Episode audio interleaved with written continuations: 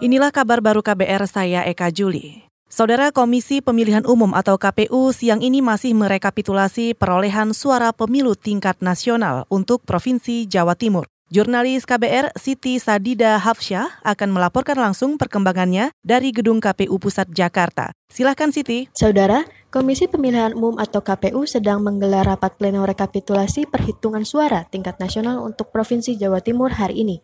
Hingga pukul 11 siang, prosesnya sudah berjalan sampai pada pemaparan sertifikat rekapitulasi suara oleh KPU Provinsi, yakni untuk pemilihan presiden, legislatif, dan Dewan Perwakilan Daerah.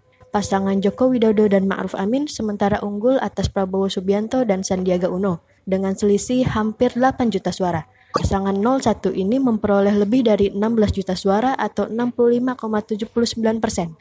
Sedangkan pasangan Prabowo Subianto dan Sandiaga Uno raih lebih dari 8 juta suara atau 34,21 persen. Namun rekapitulasi suara untuk Provinsi Jawa Timur ini masih berjalan dan belum disahkan oleh KPU. Di waktu yang sama, rekapitulasi untuk Provinsi Jambi juga sedang berjalan dalam panel yang berbeda. Provinsi lain yang juga akan dihitung suaranya hari ini adalah Sulawesi Tengah dan Nusa Tenggara Timur. Dari Gedung KPU Pusat, Jakarta, Siti Sahidir Hafsyah untuk KBR.